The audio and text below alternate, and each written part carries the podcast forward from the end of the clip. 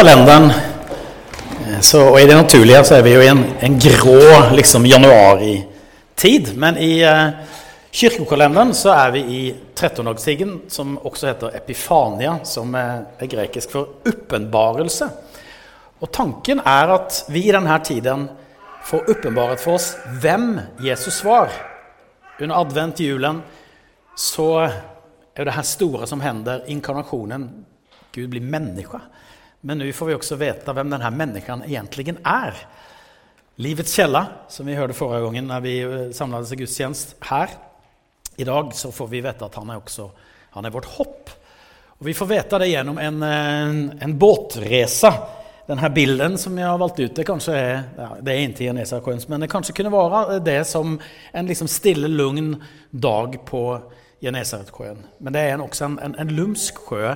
En lumsk sjø derfor at plutselig så kan det komme kalla vinder ned fra bergen som gjør at det blir storm veldig veldig snabbt. Liksom. Man tenkte ja, hvilken fin dag på sjøen, og sen så kommer stormen. Og trolig er det verdens mest kjente båtresa vi precis eh, har lest. Kanskje med Titanic på andreplass. Eh, og både av de berettelsene er jo jettedramatiske. Men skillnaden er at denne båtreisen på Genesaretsjön den slutade bra. Og Matteus beretta den på et sett som gjør at den blir en liknelse på våre liv i dag. Om du er 15, 25, 45 eller 75 så fins det livsviktige principer at ta til seg fra hva som hendte med tolv redda menn en kveld og en natt for 2000 år sedan. Och det her blir på et sett eh, både en predikan jeg borde ha fått når jeg var 15. Kanskje jeg fikk den men ikke liksom tog, tog inn den. Men eh, det som eh, dag kjennes som små problem, det opplevdes som svåre stormer. Eh, for meg så virker det også på mange sett som det er, det er tøffere at, at var tonåring og ungdom i dag, og de her sakene som vi kanskje tenker på når vi blir litt eldre, som, som små problem kjennes virkelig som stormar. Så det är för dig. Sen är det en predikan om hur svårt livet kan upplevas ibland oavsett ålder och livssituation. Och stormen är ju en bild på det. Nu, är, nu har stormarna i mitt liv varit eh, olika från jag var 15 och försökte hitta min plats i världen. Jag var en osäker kille som var duktig på skolan men som tyckte det var svårt, bland annat var kristen och kämpade med min identitet bland kompisar. Och ständigt genom, eh, genom tonåren fick jag höra mycket förkunnelse om Jesu återkomst. Så jag också använde mycket av min energi att försöka undvika att få bli ogift innan Jesus kom tillbaka. Det handler det väldigt mycket om. Eh, idag när man är snart 52 år så är problemen och stormarna Stormarna kjennes helt annorlunda. Men det som er det samme, det er liksom kjenslen at livet helt enkelt blir for mye ibland. Det kjennes som det store havet mot lilla ja i en båt som kan sjunke. Om du er småbarnsforelder, singel, arbeidsløs, skild, nygift eller barnen har flyttet hjemmefra, ja, så har vi en sak gemensamt, Stormene i livet. Frågan er ikke om de kommer, men når de kommer. Och livet handler veldig mye faktisk om hvordan vi håndterer disse stormer. Og som din pastor så hoppas jeg at du ikke møter flere stormer. Jeg skulle virkelig hoppas det. At livet blir helt fantastisk fra og med nu og resten av ditt liv. Men jeg tror samtidig at det er oundvikligt og derfor så vil jeg forberede deg og vise hvordan Jesus kan hjelpe oss at håndtere dem. Og det er jo det han vil. Han vil virkelig at vi skal dra herifra i med en veldig tydelig bild av hvem som er der mitt i stormen. En sak som da er viktig, som hänger ihop her, det er hva som hender i teksten innan stormen kommer. Det som hender da, er at Jesus faktisk befaller lærjungene at stiga i båten. Og det her skjer efter brødmiraklet, som gjorde Jesus mye populär på ett sätt som han egentligen inte ville. För de tänkte det här är den som ska befri oss från romarriket. Han ska få politisk makt och det här visar liksom på att eh, wow, han kan, han kan mätta oss han kan fixa de här materiella behoven vi har. Ehm, så Jesus han drar sig undan, han säger att lärjungarna, ni ska också åka iväg. Eh, og Når vi tittar på slutet av berettelsen, så ser vi att begynte å tilbe honom og erkjenne honom som Guds son og ikke som en politisk leder som skulle redde Israel med makt. Og ibland så sier Jesus kom til meg', og ibland så gir han oss en befalning at gå. Og vi tykker kanskje mest om kom til meg'. Eller 'Å, det er så skjønt'. kom til meg'. Og det på, på något sätt säger han det hela tiden, men det är lika viktigt att lyssna när han också befaller. När han tydligt säger vad vi borde prioritera, vad vi borde sluta med eller börja med. Då kan det vara för att han vill ha oss bort från en plats i livet där vi kommer att tappa blicken på honom. Har du någon gång hört Jesu befallning i ditt liv? Jag kände att det här, det här är väldigt tydligt tilltal från Gud. Finns det saker han har sagt tydelig til deg, men som kanskje du har glemt bort? Jeg har flere sådanne opplevelser. En gang da jeg var, jeg tror jeg var 22 eller 23, så fikk jeg et erbjudende om å jobbe som journalist i NRK. Altså wow, det var liksom det største du kunne få som journalist. Og alternativet var å fortsette i den kristne lokalradion. Eh, og jeg opplevde, altså det her var en brottingskamp, men jeg opplevde tydelig at jeg skulle fortsette i lokalradion i forsamlingen. Og sen så ledde det så småningom til at jeg ble ungdomspastor i forsamlingen, og sen pastor. Og da forsto jeg i efterhånd Gud hadde en annen vei for meg. Og i efterhånd så er jeg takksam for det. Men der og da så var det liksom, ja men det her gir ingen, det liksom, gir ikke helt mening. Man skal liksom velge bort den fantastiske muligheten. En annen gang var når jeg gjennom et mail fra min kjære fru forsto at jeg behøvde prioritere familien mer enn tjänsten. Det var inget valg, det var en befalning. Inte fra Stina, inte fra Stina.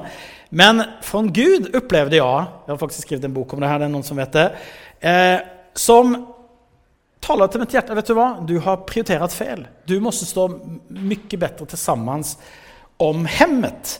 Og det på något sätt räddade vår relation och vi blev ett team som jobbade mycket bättre tillsammans. En tredje upplevelse handlar om Malmö. Från Guds sida har det varit tydligt att vi skulle hit, upplevde vi väldigt tydligt när vi flyttade hit. Inte alla detaljer såklart, men sen ska jag erkänna att jag har fått förfrågningar liksom om pastorskall till Norge, funderat över det, men det har liksom slutat med väldigt tydligt övertygelse om att stanna i Sverige och det har igjen økt gleden over å få tjene i denne staden sammen med er. Og det er den store fordelen med at gå når Jesus blir tydelig og peker liksom med hele handen om hva han vil at vi skal gjøre. Da går vi nemlig inte på vår egen kjensle. Da finnes det en trygghet. Det er noen annen som sa dra ut på den der sjøen'. Det var noen annen som befalte det, någonting liksom et påhitt som jeg kom på.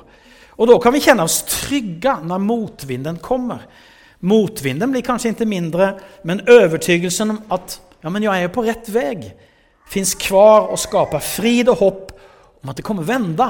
Vi kommer komme igjennom det her.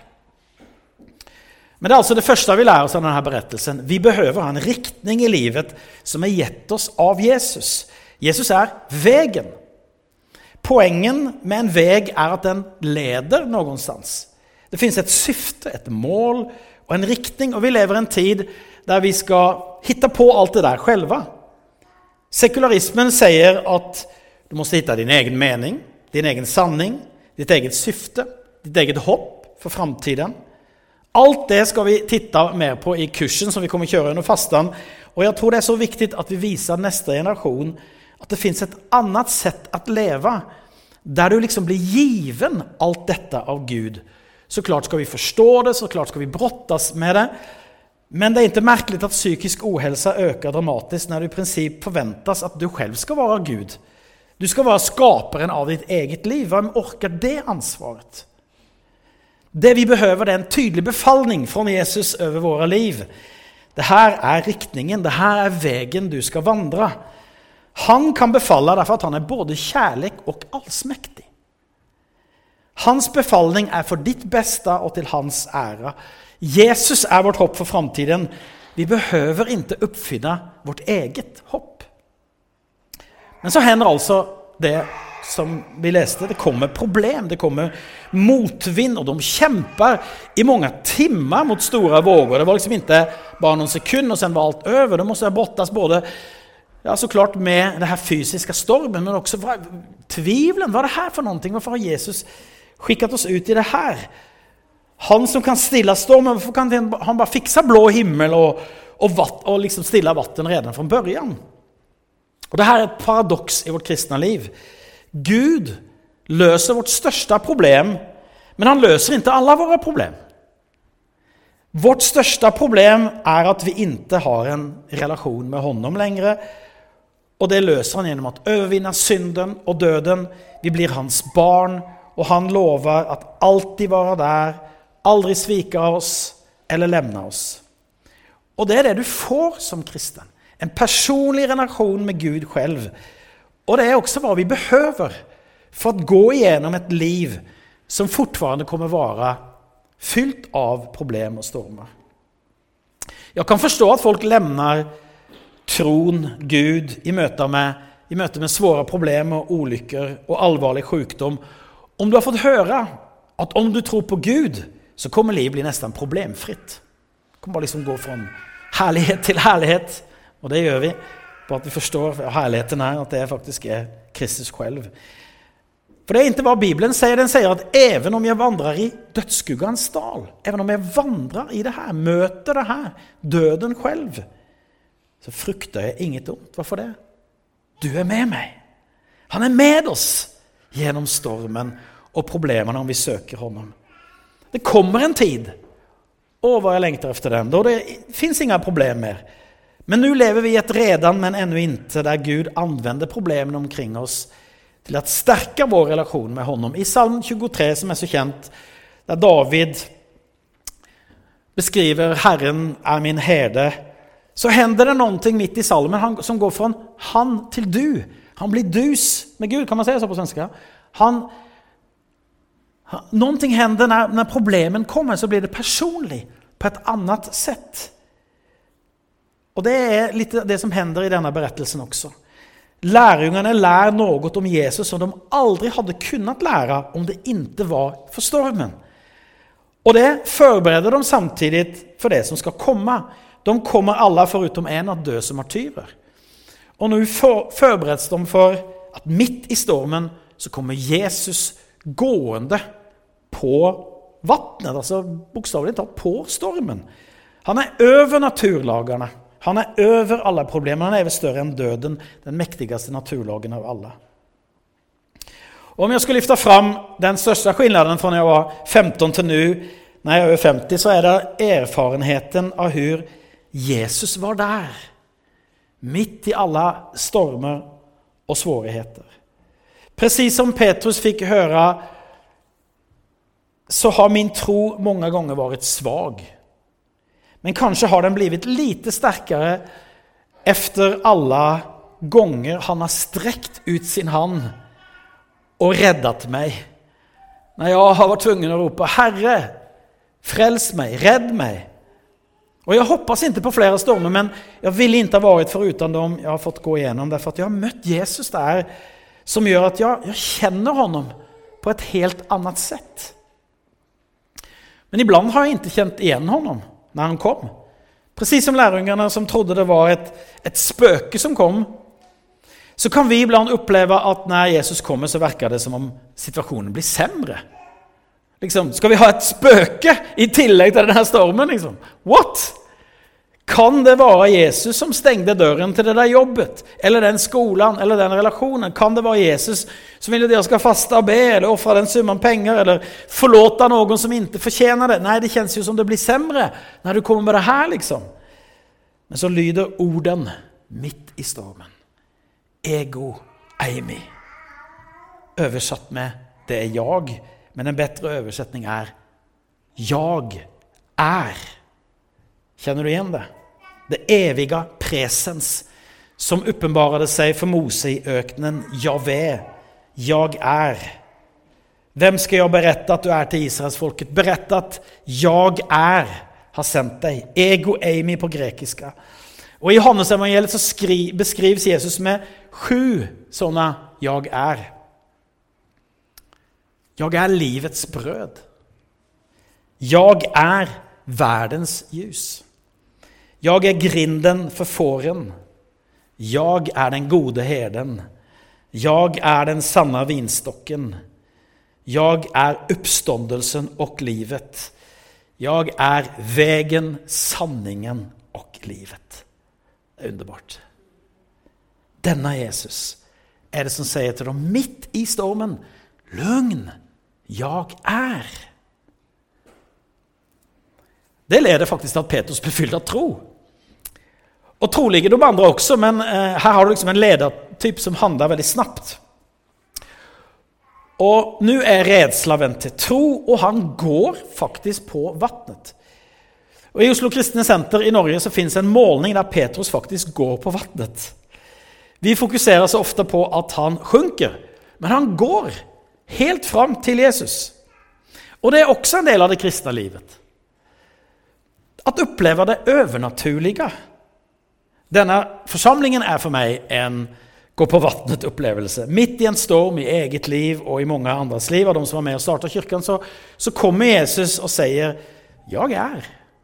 Jag er fortfarende, tross alt som har hendt.' Det fylte oss med tilrekkelig med tro til å ta de første stegen.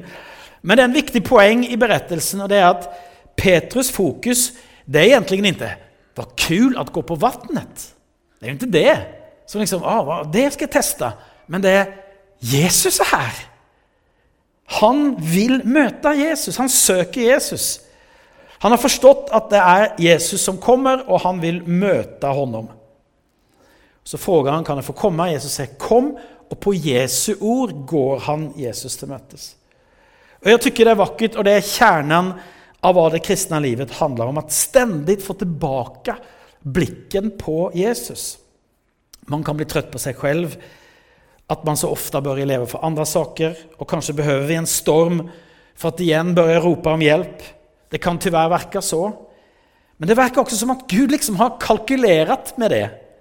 Og dyker opp igjen og igjen når vi roper og ber. Vi kommer precis som lærjungene glömma bort brödmiraklet när stormen kommer och blir rädda. Sen kommer vi fyllas med tro när Jesus kommer og han sier Jag er'. Sen blir vi redda igjen. Når vi börjar gå i tro derfor at vi ser ah, men det blåser jo. Sen redder Jesus oss igjen. Det kan virke som en hoppløs spiral det der. Når vi ikke lærer oss noen ting. Men det stemmer faktisk ikke. derfor at varje gang vi gjør denne erfarenhet vokser vår tro og vår ødmykhet, og vårt beroende av Jesus blir större. Och som vi redan har tittat på, det slutar med att alla tillber. Alla faller ned och bekänner du er Guds son. Tim Keller har sagt hur endrer du ditt beteende? Endre hva du tilber. Ingen mennesker kan sluta tilbe, men du kan velge hva du tillber. Och hva du tilber, hva du gjør tilber, kommer vises gjennom våre gjerninger. Gud behøver jo ikke vår tillbedjan for att må bra. Men vi behøver tilbe honom for att må bra. Annars blir det en, en sluten sirkel, der vi selv er i sentrum. Vi er skapade for å tilbe Gud. Og Derfor er det Jesus syfte med å komme at redde oss. Han redder oss från att tillbe falske guder som leder oss bort fra tvivlet. Og da vil jeg avslutte med denne frågan. Hur tilber vi Jesus? Hvordan ser det ut? Såklart er ikke det jeg skal si nå, liksom, det er alt om det temaet. Men kanskje kan jeg sette deg på spåren. Hur tilber vi Jesus? Vi tillater at han er Herre på alle områden i vårt liv. Vi tillater altså ingen områder der inte han får være Herre. Så vi, vi, utifrån vår åpenbarelse av at du er kärlek, du vet det beste for meg. Jeg vil slippe inn deg på dette området også. Men hva skal du gjøre der inne? Liksom? Skal, kommer jag förlora på det? Men så merker vi at om vi gjør det så møter vi hans kjærlighet og sanning og blir befriede på område efter område. Den som elsker Gud, holder hans bud, sier Johannes i sitt brev. Vi tilber ikke våre kjensler. Og det er en kontrast til vår kultur, der det høgste har blitt hva en menneske kjenner. Ingen kan argumentere mot noens kjensler, ergo er dina kjensler sanning. Men da er mine kjensler også sanning, eller hur? Og, og det, liksom, det, går ikke ihop det der. Kjensler er kjempeviktige, men de fungerer dårlig for å gi meg informasjon om sanningen. Derfor måste även våre känslor tilbe sanningen, altså bøye seg for sanningen, om du fatter hva jeg mener. Det er bare så vi blir fria. Forneka ikke dine känslor, men låt ikke dem lede deg bort fra sanningen og nåden som finnes hos Jesus. Låt dem lede deg til å tilbe honom.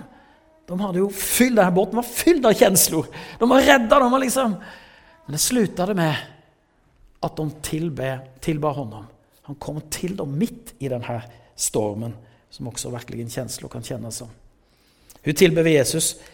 Vi njuter av skapelsen. Og takker skaperen i stedet for å tilbe skapelsen og glemme skaperen. Livet er ikke bare storm og motvind, eller hur? Det er også mye fantastisk underbart å oppleve.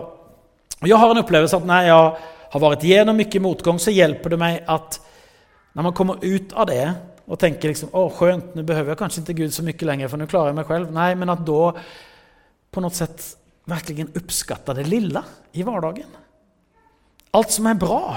Passe på å takke Gud for vann i kranen og en god cappuccino eller en varm dusj eller et land uten krig. Jeg fikk presis et meddelende fra eh, pastor Sergej i Ukraina, som hadde sett en av mine Instagram-poster om kaffe. Og Det viser seg at han også har forstått hvordan man gjør bra kaffe. Og Sen så møttes vi på Pings pastor i Stockholm, og vet du hva? han hadde med bønner som han hadde tatt med på vei fra Ukraina. Altså Det ble så verdifullt og så spesielt, og også få lysna til honom og hans berettelse hvor et, et helt land nå søker Jesus midt i den stormen de lever i. Men jeg ble så fylt med takksomhet. Nå er den snart slutt, men hver gang jeg gjorde en kopp kaffe jeg får gjøre kaffe uten frukten av ryske robotattacker. Liksom. Gud, takk. Og samtidig blir det en bønn for de som er midt i stormen. Låt oss tilbe Gud gjennom å takke Skaperen for alt godt Han skjenker oss. Hvordan tilber du Jesus? Du gjør det sammen med hans kropp, som er forsamlingen. Vi elsker det han elsker, og han elsker sin ofullkomlige forsamling. Ingen kan tilbe Gud ensam, därför att precis som vi er skapade for tillbedjan er vi skapade for gemenskap. Og til sist hur tillber vi Jesus gjennom å være villiga att offra for evangeliets skull. Bibeln lover oss ikke et liv der vi kommer få alt vi vil ha eller få leve ut, alle våre begjær. I stedet så uppenbarar evangeliet Jesus som vår største skatt som er verdt å liksom selge alt vi eier for. Forneka saker som ikke er enligt Guds vilje, og uthärda motgång og forfølgelse om det kommer. Jesus er din største skatt. Har du honom har du alt du behøver, og det er den sanningen som leder til tilbedelse. Vi skal avslutte nå med å tilbe honom, han som er vår reddere, midt i livets stormer. Og De første kristne gjennom historien også tolka denne teksten presis. Og båten er kirken. Stormen er denne verdens motgang og motstand. Og Jesus kommer ned fra berget for å redde oss. Han er vårt hopp, vårt anker. Det er dette som er koblingen mellom hopp og tilbedelse. Det du hoppes på, er det du slutligen tilber, som det som skal gjøre deg lykkelig. Og om det du hoppas på, ikke holder i møte med livets stormer, så kommer det lede til besvikelse og frustrasjon. Jeg vet jo ikke hvordan du mår just nå. Om du er midt i en storm, på vei ut av en storm eller på vei inn i en storm. Men min bønn er at du skal se hvor Jesus kommer deg til møtes og redder deg eller forbereder deg for det som skal komme. Han er større enn alt som forsøker å få deg og meg redda, engstelige. Og han sier, 'Ego Amy, jeg er lugn. Jeg er alt du behøver.'